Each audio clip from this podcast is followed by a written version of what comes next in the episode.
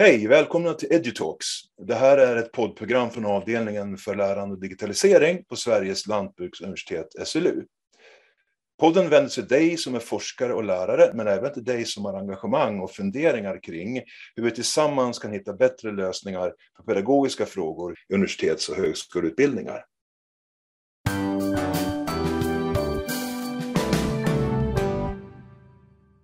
Dagens rubrik är Från Flipped Classroom till Hybrid Learning, där jag och min kollega Alexandra Dörso kommer att prata om erfarenheter om e-lärande i samband med skapandet och användandet av en personalutbildningskurs som vi kallar för TAEL. Och det intressanta med den rubriken, eller namnet på kursen, är ju att den går att både förklaras på engelska och svenska. Teaching Active E-learning eller tillämpat aktivt e-lärande. Jag heter Peter Aspengren och jag jobbar på samma enhet som Alexandra, enheten för pedagogisk utveckling vid avdelningen för lärande och digitalisering på SLU.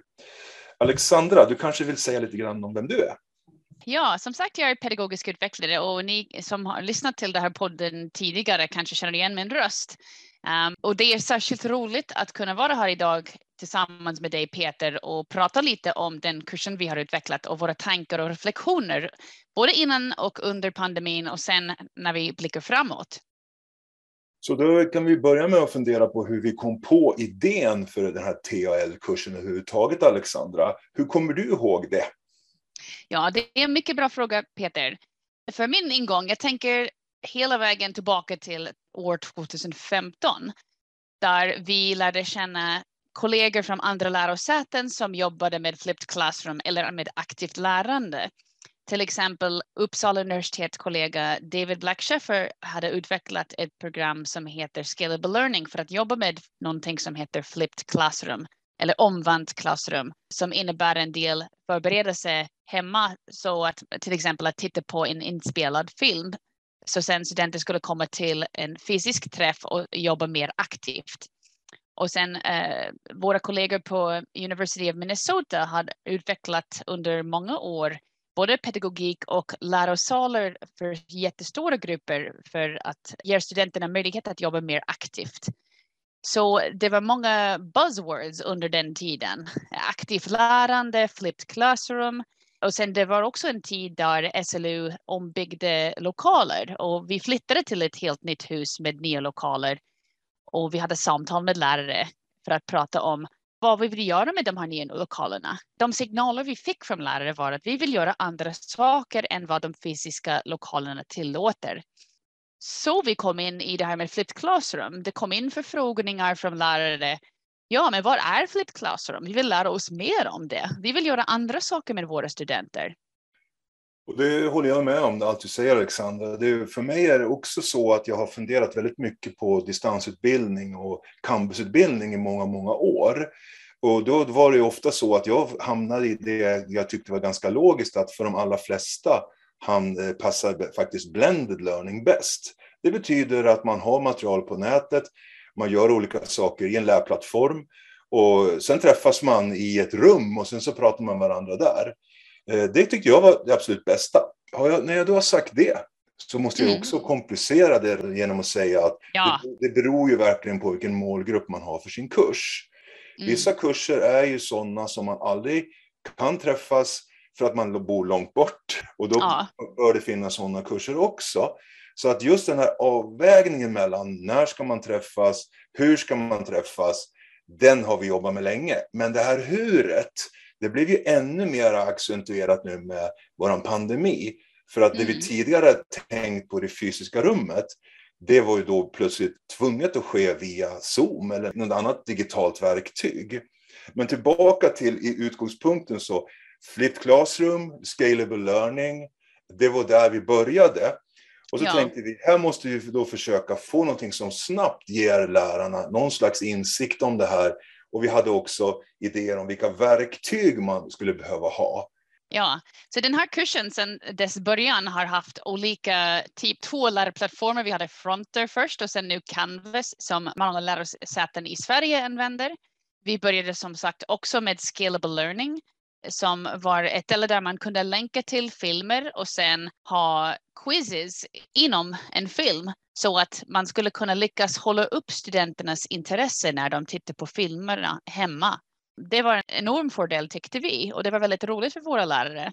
Och sen eh, såklart med, med tiden så förändras tillgång till verktyg och vi fick möjlighet att prova olika nya verktyg. Eh, det var så bra verktyg som skapades av en lärare faktiskt. David Blacksheffer är en lärare och forskare på Uppsala universitet och lösningar som kommer från själva användare är jätteviktiga tycker vi. Det är därför nog att det tilltalades en stor grupp. Så det, det är som en summa summarum som vi lärde oss både inom SLU och sen i diskussion med lärare från andra lärosäten, både i Sverige och internationellt var att det fanns ökande behov av lärare för kompetensutveckling kring de här frågorna. Och parallellt med de här diskussionerna kring flipped classroom var också bland annat vår kollega och chef Cecilia Amlöv och andra på andra lärosäten i Sverige startade ett nätverk som heter Rum för lärande. Och det var en samling av pedagogiska utvecklare, arkitekter, lokalplanerare och andra för att diskutera användande av lärmiljö utifrån lärares och studenternas behov. Så det var många olika trender som skedde ungefär samtidigt vid 2015-16. Så det var väl 2017 Peter, eller hur, som vi började med den här pilotkurs på campus Alnarp. Det stämmer. Och då, då bestämde vi att vi skulle göra en två veckors kurs av det här. Det var ju också någonting som vi gjorde väldigt mycket ad hoc, för vi hade ja. inte riktigt koll på verktygen, varken tekniskt eller mjukvarumässigt, men vi körde i alla fall. Eh, det vi märkte då i, efter den här kursen, där vi hade fantastiskt lojala och duktiga ja. personer som gick, som att vi inte hade riktigt de verktyg vi behövde. Vi hade alltså då till exempel ingen bra mjukvara för att spela in föreläsningar. Eh, vi hade inget riktigt bra alternativ till scalable learning heller, så vi jobbade i scalable learning. Det blev så att vi lärde oss oerhört mycket av det här genom att vi märkte att de klassiska lärarkompetenserna, intresse och engagemang fungerar även på nätet. Och mm. vi tänkte att om vi ska göra det här igen så gör vi det kortare. Ja. Och, och, då blev och jag, måste först, jag måste avbryta dig här Peter och se någonting som var jätteroligt och det har blivit lite meta-meta för att det var en kurs om att använda flipped classroom, men vi jobbade också på flipped classroom med våra lärare så de skulle kunna uppleva hur det är att vara en student i en sån kurs. Jag tycker det är alltid bra att själv stå inför det som man frågar sina studenter att göra så att man får en idé. Men hur är det? Hur fungerar det? Hur är det som att vara mottagare av den här pedagogiken? Så det vi upptäckte väldigt snabbt när vi undervisade om flipped classroom med flipped classroom som pedagogik var att plötsligt hade våra deltagare, våra lärare på SLU, det vill säga, de hade en mycket högre kompetens när de kom till de fysiska träffar. Så vi behövde utvecklas också. Det var um, en snabb reflektion där som jag ville ändå tacka våra lärare för. Det var en oväntad fördel att när man förbereder sig på ett annat sätt inför en fysisk träff, då kan man göra helt andra och mycket mer spännande saker med eh, sin målgrupp i en fysisk träff. Nu är det ju så då att vi baserar det här på våra olika sidor som vi har på vår avdelning, så stödsidor vid pandemin. Det finns instruktioner och det finns olika verktygsförklaringar och manualer. Men vi tycker ändå att det är viktigt att ha den här Teaching Active e-learning tillämpat aktivt e-lärande-kursen. För då hjälper vi lärarna genom det här och vi ser också till att man resonerar runt vad man gör. Så det inte mm. bara blir ett mekaniskt användande av verktyg. Ja, men Peter, du kanske vill säga någonting om de olika iterationerna av den här kursen. Vi sa att vi har gett en två veckors kurs som heter tillämpat aktivt e-lärande för eh, lärare som sitter på campus Alnarp. Men som för ni som inte vet, SLU har tre campus, en i Alnarp, en i Uppsala och en i Umeå. Plus alla lärare som sitter kanske i Flyinge, Vången, Drottningholm, Strömsholm. Vi har lärare som sitter över hela Sverige, summa summarum. Och uh, vi har det alltid i åtanke när vi skapar våra kurser. Så sen efter den här Alnarpskursen, vi hade en två veckors tillämpad aktiv e-lärandekurs i Uppsala och vi utvecklade utifrån den mycket värdefulla information vi fick från våra lärare som um, vi också ska ge en stor eloge till för de hjälpte oss för att det ska bli så bra som möjligt. Men det har alltid varit en, en kurs i utveckling kan man säga. Kan du säga något mer om det Peter? Vad händer efter de här två veckors kurserna? För det första så var det en annan typ av mognad i hur vi använder verktygen och också lite mindre akut så att säga. Så att vi, det var mycket funderingar på vilken kamera fungerar, vilket headset fungerar. Så att det var det vi la ner ganska mycket tid där. Och jag erkänner också att jag var fortfarande var väldigt fixerad vid det här träffas i det fysiska rummet, Eh, tankarna som jag har svårt att släppa eftersom jag tror att det är det bästa som finns. Vi, vi hade då igen då satt, satt eh, den här kursträffen i ett rum, på, i det här fallet då, i andra fallet i Uppsala. Och det gjorde då att alla var tvungna att resa dit eh, och vi hade inga alternativ som gjorde att man kunde ta del av kursen om man inte var på plats under de här träffarna. Som i, mm. idag känns ganska märkligt faktiskt. Ja, ja verkligen. Det, det, det är dit vi är på väg i det här resonemanget också tror jag. Men så bestämde vi oss då för att när vi drog igång det igen, då hade vi fått vissa verktyg som vi kunde använda för inspelning till exempel.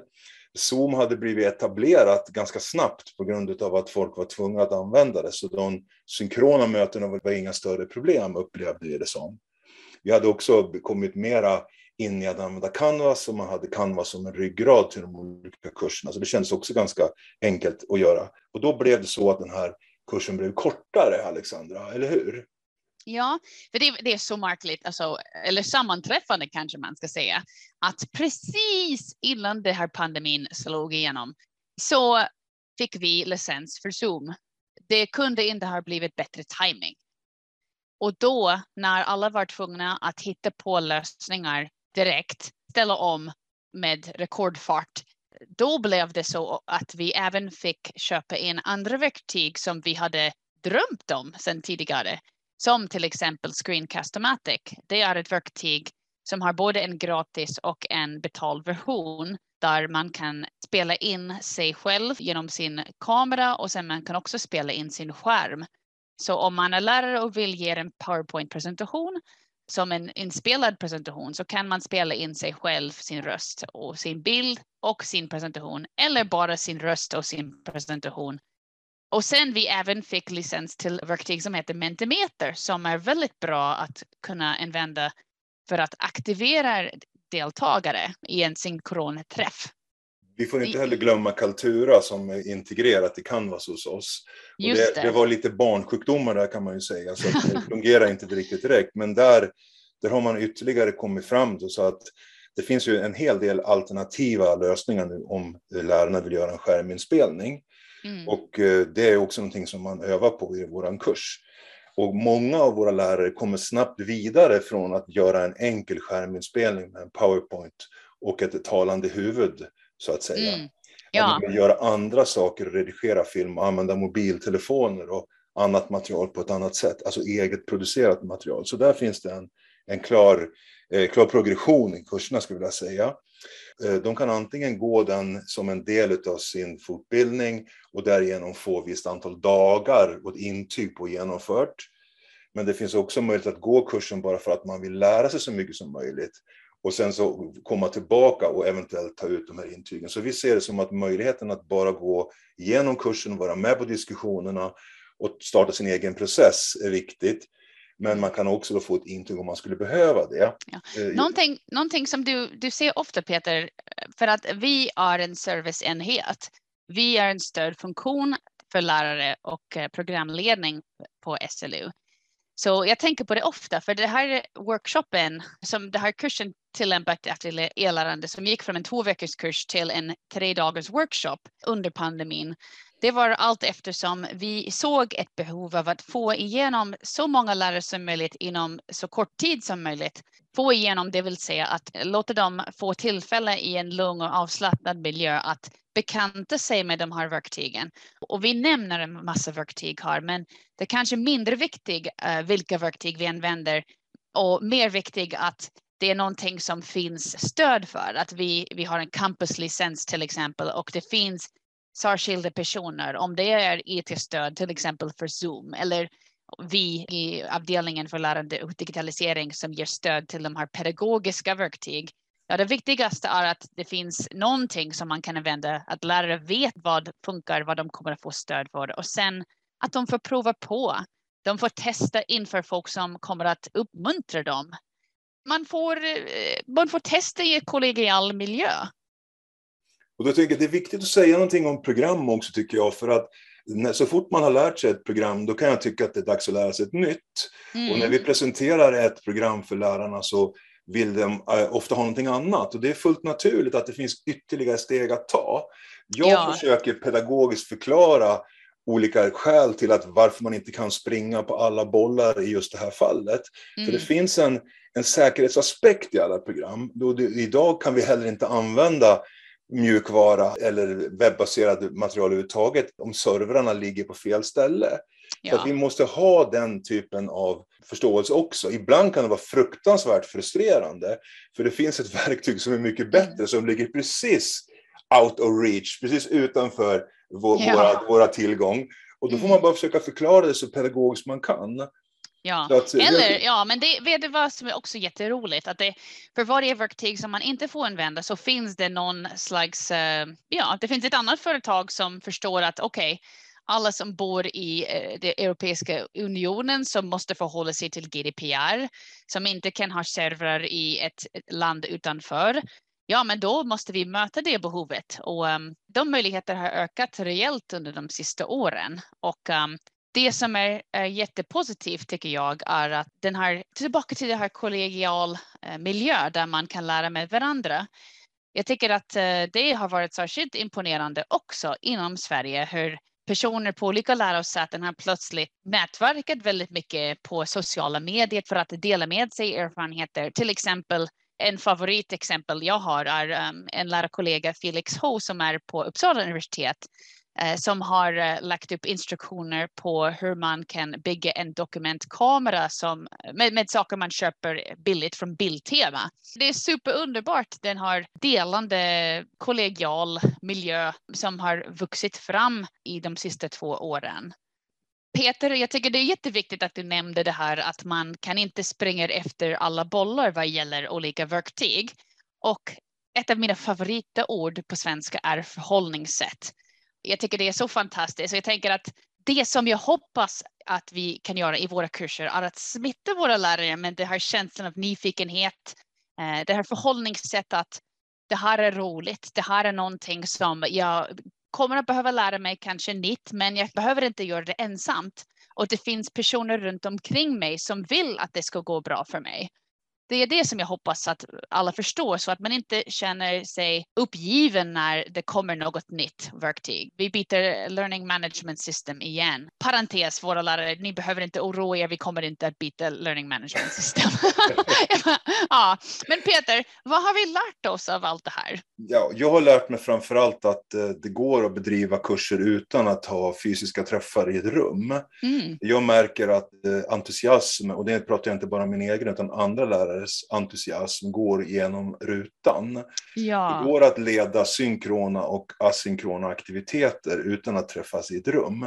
Mm. Sen funderar jag en hel del på kontroll. Alexandra och jag har ja. pratat mycket om det där med kontroll. Släpp kontroll, precis. Ja, släpp, kanske, släpp inte kontrollen helt. Så vi har Nej, den helt, men, men, ja, men fundera över kontroll. Vi, vi, har, ja. vi har den kreativa diskussionen, Alexandra och jag. För ja, jag, jag vi, vi, pratar mycket om kontroll. Jag själv känner att jag har ganska stort behov av kontroll på vad folk gör i mina kurser. Och jag jobbar aktivt med att tänka mer peer review, peer, alla möjliga typer av gruppaktiviteter och resonemang runt det, hur det ska fungera. Mm. Och det tänker jag en hel del på förväntningar, både från studenter och lärare, det vill säga mig själv i det här fallet. Vad förväntar man sig att jag ska kontrollera? Om man mm. sitter i ett breakout room nu och jag inte går dit och tittar vad de säger, om jag inte frågar vad de har sagt, om de inte får berätta vad som hände, hur upplever de det då? Mm. Det känns som att man måste skola in studenter i den formen av engagemang.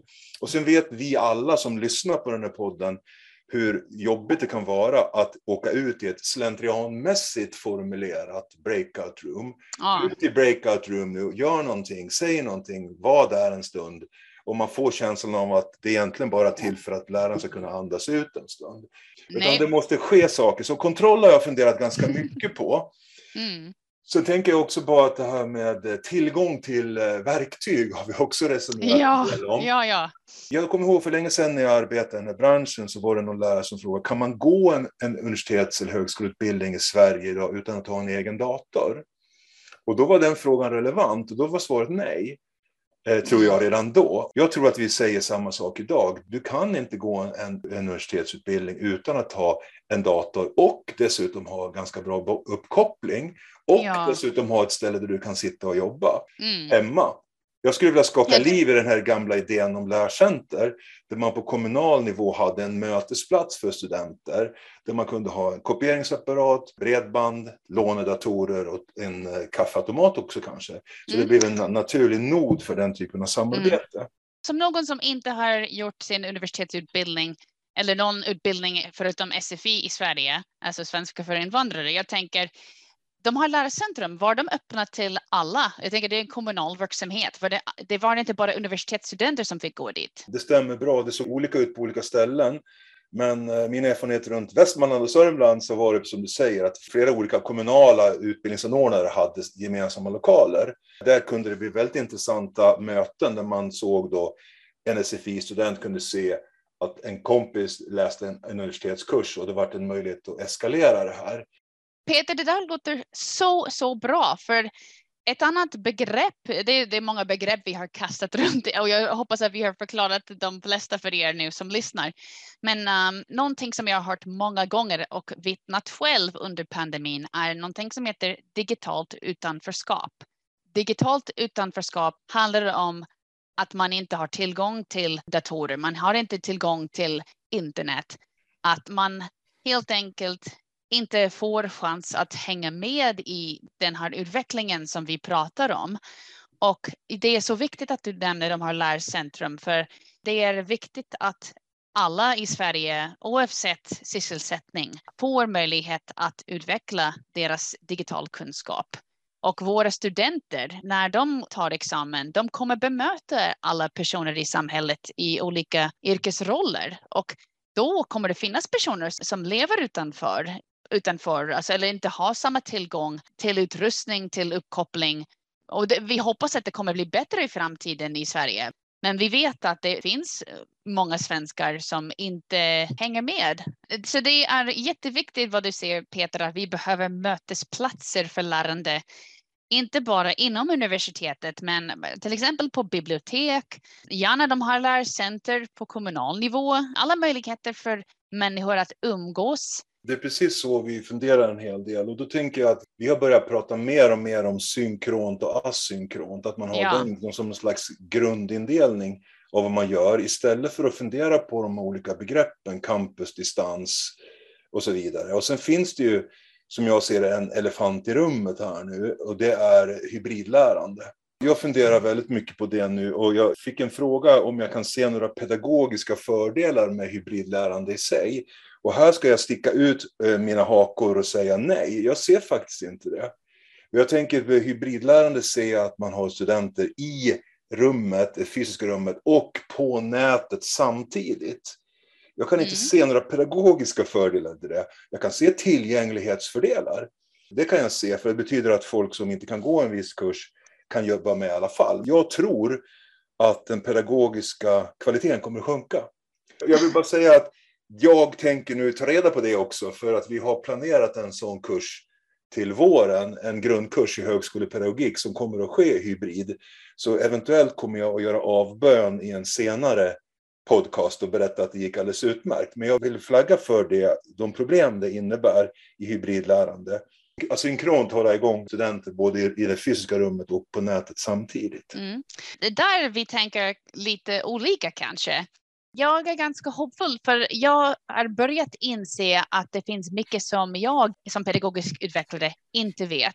Du nämnde tillgänglighet, fördelar med hybridlärande och jag tänker om vi ska svara på frågan pedagogiska vinster eller fördelar med hybridundervisning, jag tänker för vem? Vi måste kanske tänka på för vem?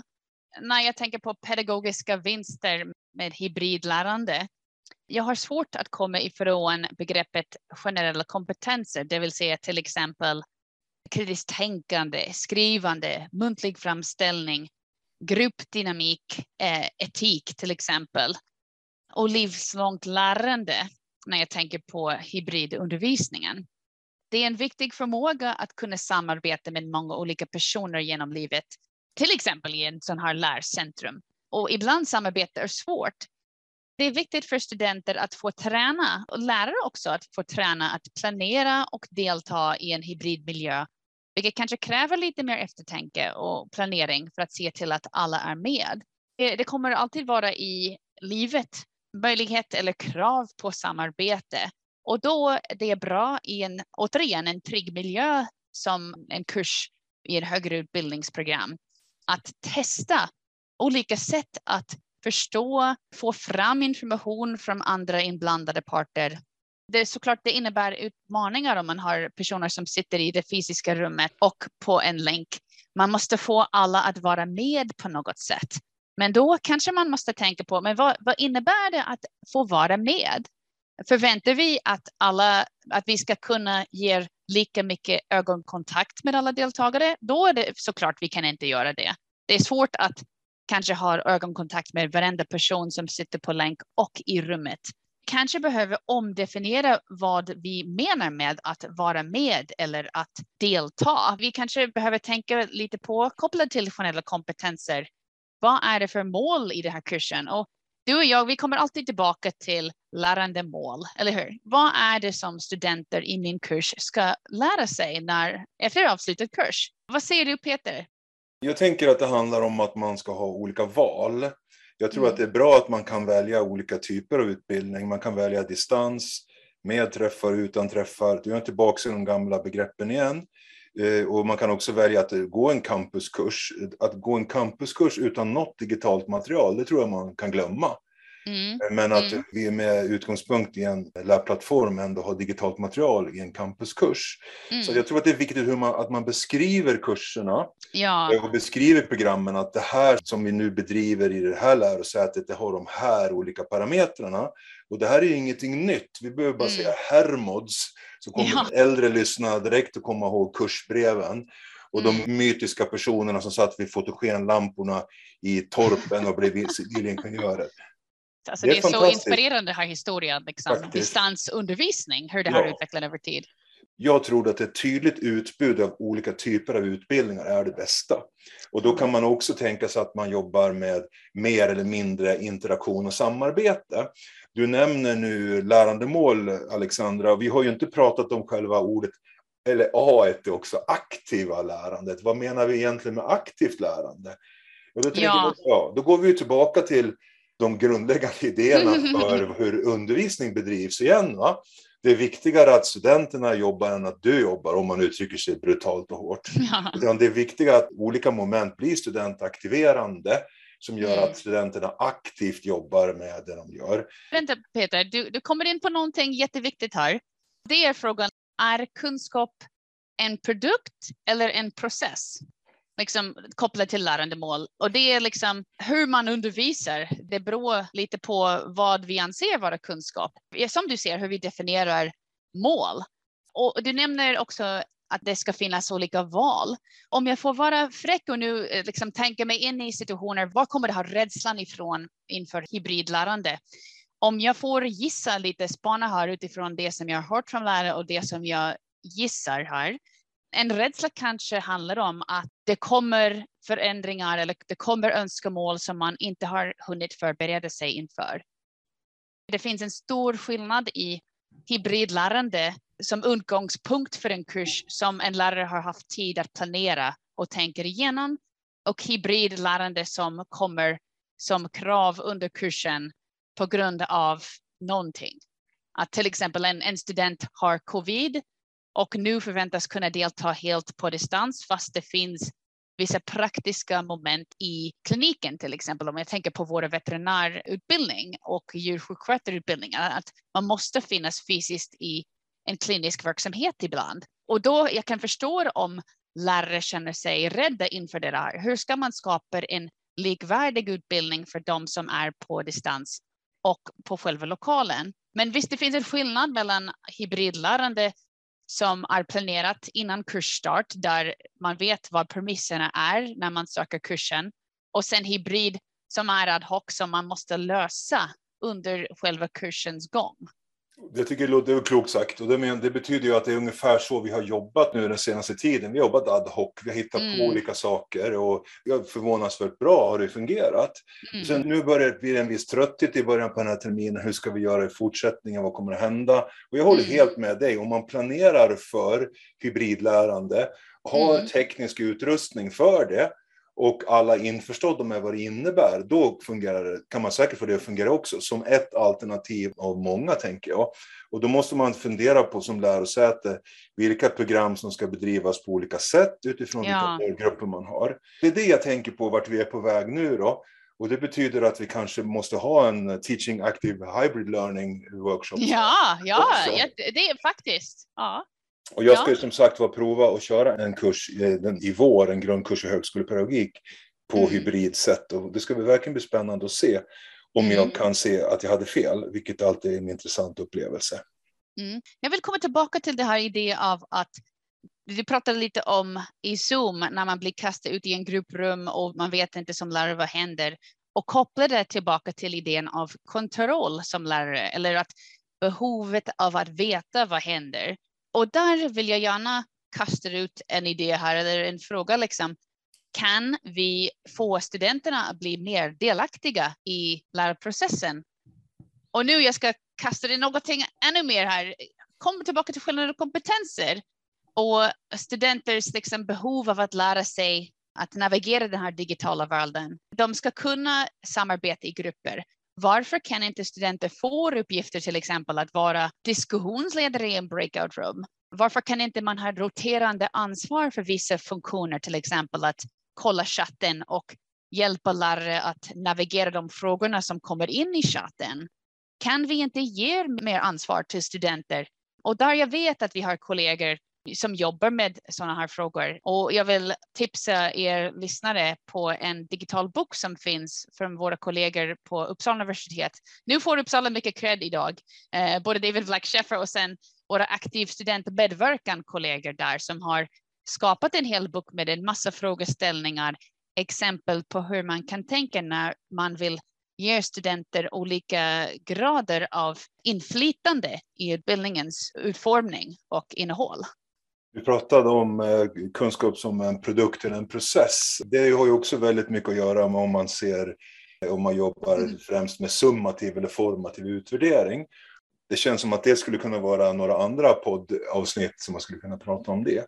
Vi har ju då sagt att vi är på väg mot de här olika sakerna. Vi har förstått och vi har ju också ett tekniskt problem som vi jobbar med som är också lärosätesövergripande, nämligen tillgänglighetsdirektivet och textning av, ja. video och, och, tal. Och där kan man vara teknikpositiv kanske just nu, i just det här lilla fallet och tro att det kanske kommer att lösa sig i och med att vi är satta att eh, texta allt material som ska ligga uppe på nätet mer än en viss tid så har vi ju inga eh, riktigt bra verktyg för det heller just nu. Även om den funktionaliteten faktiskt finns i Screencast-O-Matic. Mm. Om det här blir textreklam nu så får det väl bli det. Mm. Eh, men där har vi ju ett väldigt konkret tekniskt problem som vi måste försöka lösa direkt egentligen alldeles nyss. För det är det mm. vi håller på med. Ja, och jag förstår att det är många lärosäten som står inför de här utvecklingar. Och um, återigen, jag tycker det är positivt att till exempel genom UHR, Universitets och högskolerådet, att det finns nu en grupp där vi på SLU och andra lärosäten deltar i en grupp för att utveckla olika material, eh, en kunskapsbank som är i utvecklingen. Så småningom kommer det finnas tillgängligt tips på till exempel pedagogik, didaktik och metod i distansutbildning, organisatoriska frågor, ekonomi, teknik, kultur, sammanvävning, allt möjligt kopplat till distansutbildning.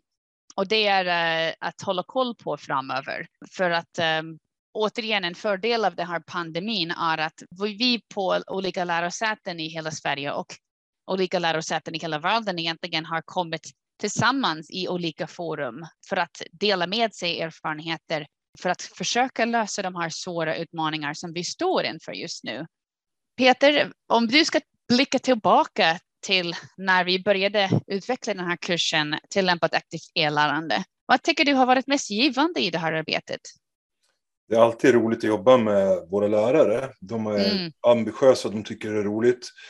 Och de har också väldigt starka åsikter. Eh, de har också starka åsikter om vad som skulle behövas för att det här skulle fungera när det gäller resurser. Så att vi stryker ju inte alltid varandra medhårs, det är viktigt att säga. Mm.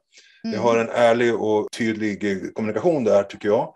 Så det är alltid intressant med kurser överhuvudtaget. Så länge man har den tanken så är det roligt att jobba med utbildning och undervisning. Att man lär sig också av kursdeltagarna.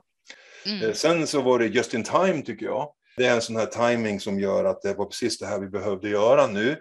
Och eh, därför blev det ett ganska bra driv i vår utveckling och utbildning där. Och det har också påverkat både mjukvara och hårdvara tänket i SLU. För mm. att det mm. känns som att vi nu har börjat bli något bättre på att samarbeta mellan avdelningar också.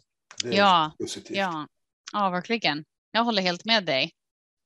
Så att vi får se vart det bär. Vi har stuckit ut hakan som sagt och pratat om hybrid learning. Så att det kommer vi säkert att ha, fortsätta diskutera hur det kan ske.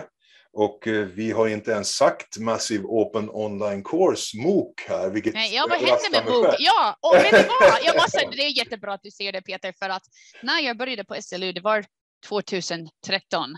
Jag minns väldigt starkt att man pratade jättemycket om MOOCs och det kändes som det var oj, det här var liksom en stor grej. Liksom, det var en, en, någon slags crescendo som en våg kraschade på stranden och sen vad hände det? Liksom? Vad hände med Mokvågen? Jag kan tänka mig att det är ungefär som allting annat, att det, det finns en stadig flod av eh, tillgängligt utbildningsmaterial för människor. Men hypen dör. Och så tror jag också faktiskt att även här har att göra med det här MOOC provider-problematiken. Vilken MOOC provider ska vi göra? Använda? Mm. Vi... Och var har de deras servrar, eller hur? Därför vet jag att det pågår också samarbeten nu där man ska använda Canvas i olika MOOC-liknande sammanhang. Och då säger vi bara för lyssnarna som inte vet det mot förmodan, en MOOC är då en kurs som går på nätet, som vem som helst kan gå, som man kan gå precis i den fart man vill och som är helt tillgänglig via nätet och kan också vara vissa delar av interaktion med lärare, men till ett minimum. Så Massive Open Online Course har varit väldigt hypat. Det har varit väldigt mycket prat om det. Och det finns fantastiskt material på nätet om man vill söka och gå en kurs för man vill lära sig någonting och inte är så jätteintresserad av intyg i sig utan kunskapen. Men jag tror att det kommer att komma en fortsättning där vi hittar egna verktyg. Nationellt kanske vi måste börja och mm. bygga upp kurser som är tillgängliga för alla. Vi är ja. ju på vår avdelning också inblandade i många internationella projekt där vi gör kurser, men det är egentligen inte det vi ska prata om här heller. Men även där försöker vi jobba med aktivt dellärande och helt ja. fysiska träffar. Så ja. att, eh, det har varit intressant och vi kommer säkert att fortsätta att lära oss nya saker. Jag håller med vad du säger Peter och jag vill också ge er en stort tack till våra lärare på SLU. Jag håller helt med att vi har en fantastisk dialog och jag känner mig otroligt tacksam att vi får så värdefulla synpunkter och tips och frågor från lärare på SLU. Det är så vi utvecklar vår verksamhet. Det kommer in förfrågningar och sen vi ser hur kan vi jobba med det här? Vi vet, alltså det kommer frågor internt, det kommer press externt, jag tänker nu om vi tänker på olika lagkrav, lagförändringar, om det är GDPR, om det är det här dostillgänglighetskrav, eller om det är nu en pandemin, eller om vi menar nu att vi ska successivt gå tillbaka till campus någon mån. Vad ska vi ha för sätt att delta? Vad innebär deltagande nu i den perioden vi befinner oss i? det är mycket intressanta saker. Vi, vi kanske har fortfarande många frågor och inte alla svar, utan snarare det som vi har och uppskattar och, och vill gärna fortsätta med är vårt, återigen, det här kollegialt samarbete där vi jobbar ihop och försöker klura och hitta bästa lösningar för just specifika tillfällen. Och det här tillfället som vi har pratat om nu, det är alltså den här kursen Teaching Active E-learning eller tillämpat aktivt e-lärande så Alexandra och jag själv tackar för oss. Tack för att du har lyssnat på det här avsnittet. Vi strävar alltid efter att sprida bra tankar och idéer kring högre utbildning genom att dela med oss av våra erfarenheter och kunskap. Håll utkik efter nästa avsnitt. Tack och hej! Tack!